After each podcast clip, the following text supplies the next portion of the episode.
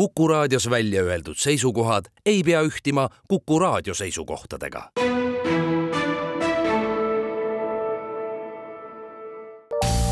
terviseks.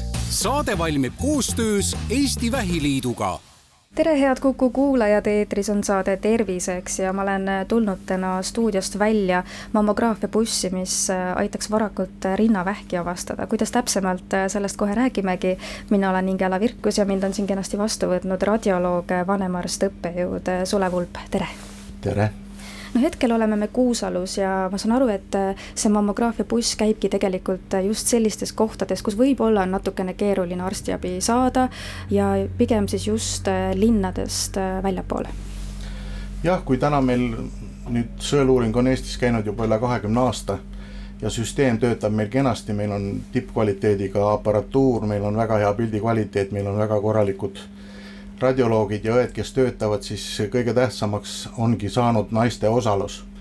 ja selleks, et eh, naiste osalust tõsta, millega meil on olnud probleeme, aga mis tegelikult aasta-aastalt järjest paraneb, ongi vaja see uuring viia naistele koju kätte ehk teha ta võimalikult kättesaadavaks.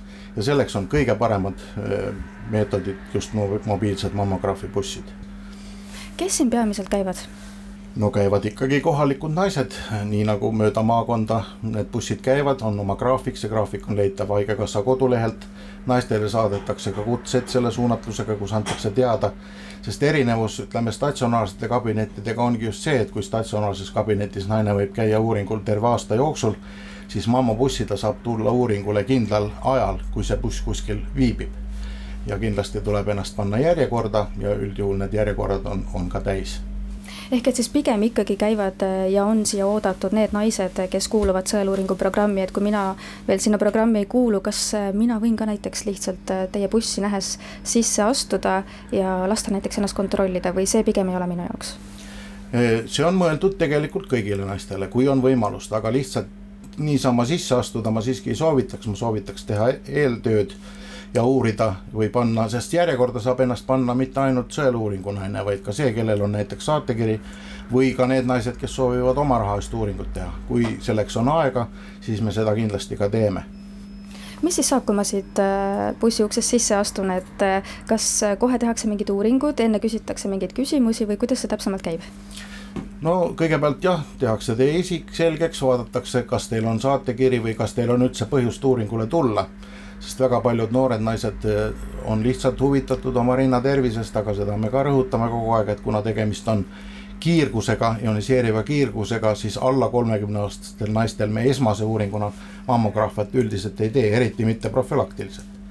ja kui see on selgeks tehtud, siis eh, sõltub juba, kuidas nüüd bussigraafik parasjagu on, kui neil on näiteks vaba hetk ja kedagi graafikujärgselt uuringule tulemas ei ole, on võimalik koheselt uuringule saada ja see uuring ise võtab aega viis-kümme minutit ja siin pigem tehakse ainult mammograafia uuringut, et kui näiteks äh, mingit palpeerimist või mingit sellist asja ei tehta? jah, siin tehakse ikkagi puhtalt mammograafia uuringut ja, ja ütleme, palpatsioonid ja muud sellised asjad, need on tavaliselt ultraheli uuringu osa. aga juhul, kui näiteks ka on niimoodi, et hetkel on, on äh, keegi siin ees või on graafik nagu täis siis antakse alati võimalus, et on võimalus kas siis natukene koha peal oodata või siis tulla näiteks mõne aja pärast tagasi või siis panna aeg kirja mõneks järgnevaks päevaks, kui buss on mitu päeva kohal. Te mainisite enne natukene põgusalt äh, sõeluuringus osalemise protsenti, et kuidas sellega siis praegu on, et kas võib rahule jääda või, või äh? no alati saab paremini, kui, aga kui me võrdleme sellega, et me alustasime kakskümmend aastat tagasi, esimesel aastal oli sõeluuringu osalemise protsent alla neljakümne, kolmkümmend seitse pikka aega oli ta siin kuskil viiekümne protsendi ringis ja, ja kogu aeg on nagu kurdetud, et naised ei käi, ei käi, siis viimastel aastatel on see ikkagi oluliselt paranenud. ja just ka tänu sellele, et meil on nüüd kolm mobiilset üksust, mis töötavad. ja, ja praegu see protsent läheneb juba kuuekümne viiele ja eelmine oli esimene aasta, kus neljas Eesti maakonnas oli osalusprotsent üle seitsmekümne, mis ongi meie nagu eesmärk, seitsekümmend, seitsekümmend viis protsenti naisi hõlmata ja noh, Saaremaa oli seal kõige ees, oli seitsmekümne nelja protsendiga, aga aga oli ka Põlva ja, ja, ja oli veel paar maakonda, nii et üldiselt me läheneme sellele. Ja teine asi, mis veel on ajalooliselt, on paljud Eesti naised eh, harjunud käima profülaktilisel mammograafial saatekirjaga. Ja paljud need naised, kes saavad sõeluuringu kutse, millegipärast ei tule uuringule, vaid võtavad igaks juhuks saatekirja. Nii et kui me need naised liidame veel sõeluuringul käijatele, siis tegelikult kaetus on üle seitsmekümne protsendi juba täna. kuidas teile üldiselt tundub, kui teadlikud on naised rinnavähi osas? see asi on nüüd aastate jooksul palju muutunud, kui me alustasime sõeluuringuga kakskümmend aastat tagasi, oli olukord muidugi väga halb. ja, ja selge esimene küsimus tekib naisel, miks ta peaks minema mingisugusele uuringule, kui tal midagi viga ei ole. sest arstil käiakse siis ikka, kui on mingid kaebused. Ja seda me oleme algusest peale rõhutanud, et varane rinnavähk siis, mida me saame avastada sõeluuringul, ei anna mingeid kaebusi ega ole ka katsudes tunda tähendab, ainukene võimalus teda avastada ongi nende radioloogiliste meetoditega ja parim selleks on täna mammograafia. mida aeg edasi, seda naiste teadlikkus kogu aeg kasvab ja seda me näeme ka, et kes on, sest sõeluuring ei ole ühekordne uuring, see on ikkagi iga kahe aasta tagant. ja kui arvestada seda, et me kutsume täna viiekümne kuni seitsmekümne aastaseid naisi, siis ta võib oma elu jooksul sõeluuringul käia rohkem kui kümme korda nii et see, eh, nad jäävad käima ja, ja sageli me näemegi seda, et kes on hakanud käima ja kellel ei olnud, ei ole olnud ühtegi ebameeldivat eh, episoodi, need jäävad käima ja nad tulevad meelsasti järgmine kord. ja kui nüüd vahepeal oli, kus meie Haigekassa oli sunnitud majandusliku olukorra tõttu vähendama või kitsendama seda sõeluuringu kohorti kuuekümne üheksa pealt kuuekümne kahe peale, siis tulid väga murelikud naised ja küsisid, et aga mis meist nüüd saab, et kas me peame nüüd ära surema. Me muidugi ütlesime, et nii hull see asi ei ole, et põhimõtteliselt on võimalik tulla ka saatekirjaga uuringule ja nii et need, kes on juba harjunud käima, need üldiselt jäävad käima.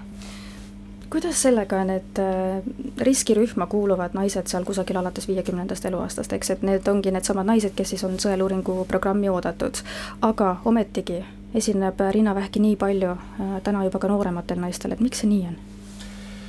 Ehm, risk jah, ütleme vanuserisk ongi see tegelikult, mille järgi see sõeluuring on pandud, et kui me vaatame epidemioloogiat, siis ikkagi alla neljakümne aastastel naistel on rinnavähk kasuistika. see hakkab tõusma seal pealt neljakümne viie ja saavutama oma maksimumi viiskümmend pluss vanusegrupis. mis puudutab nüüd nooremaid naisi, siis see mulje on tegelikult natukene ekslik, siin räägitakse järjest, et järjest suureneb nooremate naiste rinnavähi esinemissagedus, tegelikult see nii ei ole ma ise tegin hiljuti, võtsin kokku statistika ja vaatasin siin mitmekümne aasta taguseid ja viimaseid andmeid. see protsent alla neljakümne aastaste naistel esineva rinnavähi kohta on enam-vähem sama, kuskil kuus-seitse protsenti, see ei ole suurenenud. aga see mulje jääb seetõttu, et need juhud on sageli drastilised, kuna varasemalt noorematel naistel esinev rinnavähk on agressiivsem ja need satuvad sagedamini ajakirjandusse ja siis jääb selline mulje, et näed, jälle noor naine suri rinnavähki ja jälle noor naine suri rinnavähki. mahuliselt või statistiliselt tegelikult sellist muutust ei ole. aga eh, ega see Nobeli preemia on ju siiamaani välja andmata, ega me täpselt ei tea seda, millest see rinnavähk tekib, me teame väga palju faktoreid, millega ta on seotud. Eh, geneetika on üks nendest, aga kui me vaatame, siis tegelikult geneetiline foon on ainult umbes kolmandikul naistest ja suuremal osal naistel ei ole mingit geneetilist fooni. muidugi siis tulevad ju kõne alla seal elutingimused, toitumine, ülekaal, alkohol ja suitsetamine ja ka stress. nii et see on selline multifaktoraalne asi, aga e, prognoosida me seda ei saa ja, ja kui ütleme emakakaelavähki näiteks sõeluuringuga on võimalik ka vältida tänu sellele, et me avastame selle prekantseroosi ja teeme vastavat ravi, siis rinnavähki me vältida täna ei saa. aga küll me saame teda avastada varakult ja, ja täna varakult avastatud rinnavähk on juba väga edukalt ravitav. praegu just tuli ka üks naisterahvas siia uuringuid tegema, et kui täis need plaanid ja ajakava siis täpsemalt on siin mammograafia bussis, et kas tegelikult ongi nii, et aktiivselt osaletakse, käiakse siin ja see on igati ennast ära õigustanud ja tasunud? igal juhul ja üldiselt need graafikud on üsna täis ja, ja väga sageli äh, kui buss hakkab lõpetama oma, oma viibimist kuskil asukohas, siis on ikkagi neid soovijaid rohkem. aga selleks on meil ka nagu üldjuhul käib buss äh, samades kohtades aastas kaks korda. Käib siis aasta esimesel poolel ja aasta teisel poolel, nii et üldjuhul ikkagi suurem osa nendest naistest, kes tahavad tulla, saavad seda teha ja mis on veel oluline rõhutada, et äh, alates kahe tuhande kümnendast aastast saavad naised ise valida uuringu kohta.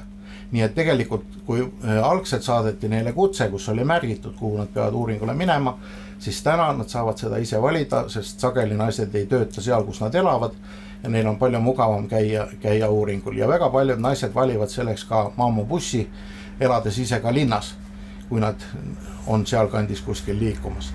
ja samamoodi me oleme näinud seda, et väga paljud naised ei taha väga meelsasti minna sõeluuringule haiglasse. ja meil on juba mitmeid selliseid kohti, nagu Täitus Tartus on kvartalikeskus või Tallinnas on OÜ Mammograafi keskus, kus sõeluuringuid tehakse väljaspool haiglakeskkonda ja see on ka naistele väga väga meeltmööda ja Tartuski näiteks on väga palju näiteid, kus kliinikumi enda töötajad selle asemel, et tulla trepist alla, lähevad uuringule kas siis maamabussi või lähevad kvartalikeskusesse. me jätkame oma vestlust juba homme kell neliteist nelikümmend viis. terviseks. saade valmib koostöös Eesti Vähiliiduga